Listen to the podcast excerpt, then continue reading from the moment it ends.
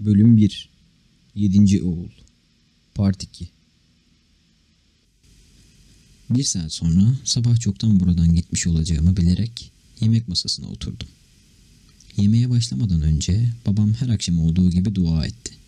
Ve annem hariç hepimiz amin dedik. Annem her zamanki gibi bütün kibarlığıyla gözlerini indirip duanın bitmesini bekledi. Dua bitince bana gülümsedi. Sıcak ve sadece bana özel bir gülümsemeydi.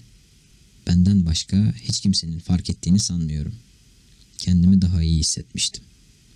Hala yanmakta olan fırının sıcaklığı mutfağı dolduruyordu. Büyük, ahşap masamızın ortasında baktığınızda yüzünüzü görebileceğiniz hale gelene kadar silinip parlatılmış pirinç bir şamdan vardı. Mum bal mumuydu ve çok pahalıydı. Fakat annem çok kötü koktuğu için mutfakta don yağı kullanmamıza izin vermezdi. Çiftlikte çoğu kararı babam alırdı. Ama bazı durumlarda annemin kendi yöntemleri vardı. Biz güveçlerimize dalmışken o gece babamın ne kadar yaşlı göründüğünü fark ettim. Yaşlı ve yorgun. Fakat Jack'le domuzun fiyatı ve onu kasaba göndermek gerekip gerekmediği üzerine tartışmaya başladıklarında biraz kendine gelmiş görünüyordu. Bir ay falan beklesek daha iyi olur dedi babam. Fiyatı kesinlikle artar. Jack katılmayarak başını salladı. Ve yeniden tartışmaya başladılar. Bu dostça bir tartışmaydı. Ailelerde sık sık rastlanan cinsten ve babamın bu tartışmadan hoşlandığı her halinden belliydi. Ama ben onlara katılmadım. Bütün bu işler benim için bitmişti. Babamın dediği gibi benim çiftlikte işim kalmamıştı. Annem ve Ellie kendi aralarında sessizce kıkırdıyordu. Konuştuklarını anlamaya çalıştım. Ama Jack kendinden geçmişti. Sesi giderek yükseliyordu. Annemin ona doğru bakışını görünce artık sesten rahatsız olduğunu anladım. Annemin bakışlarını umursamadan gürültülü bir şekilde bağırarak tartışmaya devam eden Jack, ortaya uzanıp almaya çalıştığı tuzluğu devirdi ve tuzlar masaya saçıldı. Masaya dökülen bir avuç tuzdan bir pinçik alıp omzunun arkasına serpti. Bu eski bir batıl inançtı. Böyle yaparak tuzu döktüğünüzde ortaya çıkardığınız kötü şanstan kurtulmuş olurdunuz. Jack bu arada o yemeğe tuz koymana gerek yok diye çıkıştı annem. Bu hem iyi bir güvecin tadını berbat eder hem de aşçıya yapılan bir hakarettir. Affedersin anne diye özür diledi Jack. Haklısın. Olduğu gibi zaten harika bir yemek. Annem ona gülümseyip bana doğru başını salladı. Bu arada kimse Tom'la ilgilenmiyor. Evde olduğu son akşamı bu şekilde geçirmemeliyiz. Ben iyiyim anne dedim. Burada oturup dinlemek hoşuma gidiyor. Annem başını salladı. Pekala, sana söyleyeceğim birkaç şey var. Yemekten sonra mutfakta kal. Biraz konuşalım. Böylece Jack, Eli ve babam yataklarına gittikten sonra ateşin yanındaki sandalyede sabırla oturup annemin benimle konuşmasını bekledim. Annem yaygaracı bir kadın değildi. İlk önce sadece benim için paketlediği şeyin ne olduğunu söyledi. Üç tişört ve her biri sadece bir defa yamalanmış iki çift güzel çorap. Annem sallanan sandalyesini tam karşıma koyarken ben ayaklarımla kömürleri itip ateşin parıltılarını izliyordum. Siyah saçlarında birkaç parça kır vardı. Ama bu hafif kırlaşmalara rağmen saçları tıpkı yeni yürümeye başladığım zamanki gibi dizlerinin biraz üzerine kadar uzundu. Gözleri parlaklığını hiç yitirmemişti ve solgun renkli tenine rağmen çok güzel görünüyordu. Bu konuşma uzun bir süre son konuşmamız olarak kalacak dedi. Evden ayrılıp kendi yolunu çizmek çok büyük bir adımdır. Bu yüzden söylemek ya da sormak istediğin herhangi bir şey varsa şimdi bunu yapmanın tam sırası. Aklıma tek bir soru bile gelmemişti. Aslına bakarsanız düşünemiyordum bile. Sessizlik bir süre daha devam etti. Odadaki tek ses ayağımın şömine demirlerine vurmasıydı. Sonunda annem iç geçirdi. Neyin var diye sordu. Dilini mi yuttun? Omzumu silktim. Tom kıpırdanmayı bırak ve söylediklerimi düşünmeye çalış diyerek uyardı annem. Öncelikle yarın olsun diye sabırsızlanıyor ve yeni işine başlamak istiyor musun onu söyle. Jack'in arkadaş satın almakla ilgili yaptığı espriyi düşünerek emin değilim anne dedim. Kimse bir hayaletin yanına gitmek istemez. Hiç arkadaşım olmayacak. Sürekli yalnız kalacağım. Düşündüğün kadar kötü olmayacak dedi annem. Konuşabileceğin bir ustan var. O senin öğretmenin olacak. Ve kuşkusuz ileride de arkadaşın olacak. Hem sürekli yeni şeyler öğrenmekle meşgul olacaksın. Kendini yalnız hissedecek, vaktin bile olmayacak. Bütün bu olanları çok heyecan verici bulmuyor musun? Heyecanlı ama bu iş beni korkutuyor. Bu işi yapmak istiyorum ama yapabilir miyim bilmiyorum. Bir taraftan seyahat edip yeni yerler görmek istiyorum. Fakat artık burada yaşamıyor olmak çok zor. Hepinizi çok özleyeceğim. Evde olmayı özleyeceğim. Burada kalamazsın, dedi annem. Baban artık çalışmak için çok yaşlı. Bu yüzden gelecek kış çiftliğin sorumluluğunu Jack'e verecek. Elinin bebeği yakında doğacak. Kuşkusuz arkasından başka bebekler de gelecek. Ve sonuçta burada senin için yer kalmayacak.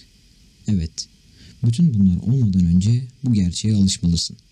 Eve gelemezsin. Sesi soğuk, biraz da keskindi.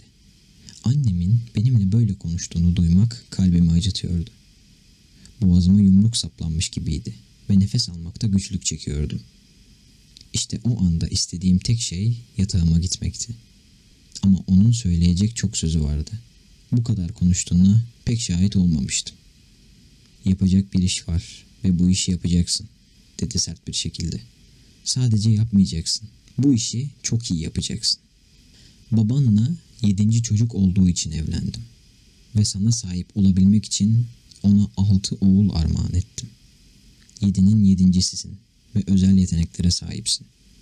Yeni ustan hala çok güçlü. Ama en iyi zamanları artık geride kaldı. Ve yakında yolun sonuna gelecek.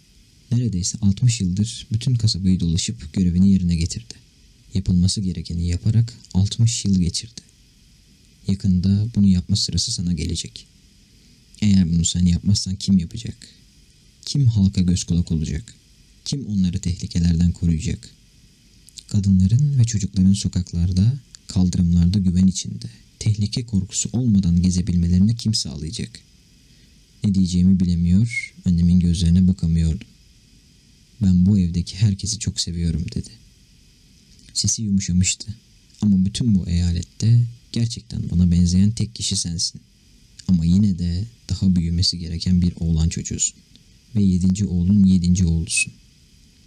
Yapılması gerekeni yapmak için yeterli ihsana ve güce sahipsin. Senin gurur duymamı sağlayacağına eminim. Pekala, dedi annem ayağa kalkarken. Bunları konuştuğumuza sevindim.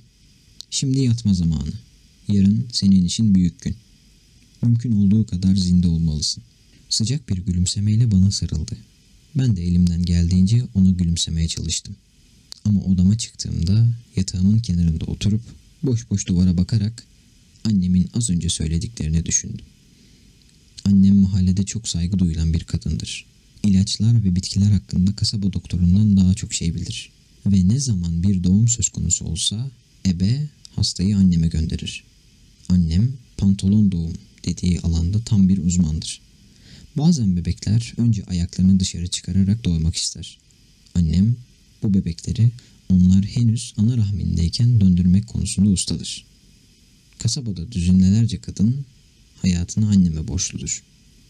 Her neyse bunları hep babam anlatırdı. Annem mütevazi bir insandı. Bu tür şeylerden hiç bahsetmezdi.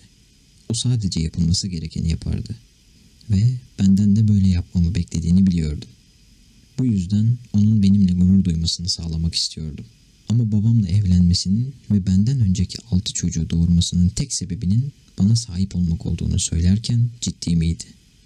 Böyle bir şey mümkün değil gibi görünüyordu. Olan biteni düşünürken pencereye doğru yürüdüm. Yüzümü kuzeye vererek eski, sallanan sandalyede birkaç dakika oturdum. Ay parlıyor, yeryüzündeki her şeyi gümüşü ışıklar yakıyordu. Çiftliğin arkasındaki çayırın ötesini ve çiftliğimizin sınırlarının hemen yanında üzerinde Cellat Tepesi'nin yükseldiği kuzey otlağını görebiliyordum. Bu manzarayı seviyordum. Cellat Tepesi'nin uzaktan görünüşünü seviyordum. O tepenin görünen en uzak nokta olması hoşuma gidiyordu. Yıllardan beri yatağa girmeden önce bu manzarayı seyretmek alışkanlığım olmuştu. o tepeyi seyredip arka tarafında neler olduğunu hayal etmeyi seviyordum. Arkasında 4-5 kilometre boyunca devam eden yarım düzine ev, küçük bir kilise ve ondan da küçük bir okuldan ibaret olan köye uzanan birkaç tarla daha olduğunu biliyordum. Ama hayal gücüm bunlara başka şeyler de ekliyordu. Bazen arkalarında bir okyanus görünen yüksek tepeler, bir orman ya da dev kuleleri ve parıldayan ışıkları olan muhteşem bir şehir olduğunu hayal ederdim. Ama şimdi o tepeye bakarken sahip olduğum korkuyu da düşünüyordum. Evet, uzaktan bakılınca çok güzel görünüyordu. Ama o tepenin yakınında olmak istemiyordum. Tahmin edebileceğiniz gibi Cellat Tepesi ismi bu tepeye boş yere verilmemişti. Üç kuşak önce ülkede çok büyük bir savaş patlak verdi ve kasaba halkı da bu savaşta yerini aldı. Bütün savaşların en kötüsüydü. Feci bir iç savaştı. Aileler bölünmüş, bazen kardeş kardeşe saldırır olmuştu. Savaşın son kışında köyün eteklerinde birkaç kilometre kuzeyde büyük bir çarpışma meydana geldi. Sonunda bu muharebeyi kazanan ordu bu tepeye getirdiği esirlerin tepenin kuzey yamacındaki ağaçlara astı. Asılanlardan bazıları kendi adamlarıydı. Düşmana karşı korkakça davrandıkları iddia ediliyordu. Fakat hikayenin bu kısmı başka türlü de anlatılır. Derler ki o adamlar komşularına karşı savaşmayı reddettikleri için asılmış. Jack bile çiftliğin o tarafındaki sınır çitlerine yakın çalışmayı sevmezdi ve köpekler ormanın içine iki kilometreden fazla girmezdi. Bana gelince başkalarının hissedemediği şeyleri hissedebildiğim için kuzey otlağında çalışamazdım bile. Anlıyorsunuz değil mi? Oradan bile onları duyabiliyordum. Gıcırdayan halatları, üzerine asılan ağırlıklara dayanamayarak inleyen ağaç dallarını duyabiliyordum. Boğulan, nefes alamayan ölüleri tepenin öte tarafından duyabiliyordum. Annem birbirimize benzediğimizi söylemişti. Evet, kesinlikle benimle aynı olan bir yönü vardı. Onun da benim gibi başkalarının göremediği şeyler gördüğünü biliyordum. Bir kış ben çok küçükken ve bütün ağabeylerim hala evdeyken tepeden gelen sesler o kadar yükselmişti ki onları yatak odamdan bile duymaya başlamıştım. Ağabeylerim hiçbir şey duymamıştı.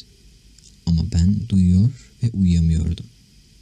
Annem şafak sökmeden uyanıp işe koyulması gerektiği halde onu her çağrışımda yanıma gelmişti. Sonunda bu işin çaresine bakacağını söyledi ve bir gece cellat tepesine tırmanıp ağaçların arasına daldı. Geri döndüğünde ortalık sessizleşmişti ve bundan sonra da aylarca sessizlik hüküm sürdü. Ama benzeşmediğimiz bir taraf vardı. Annem benden çok daha cesurdu.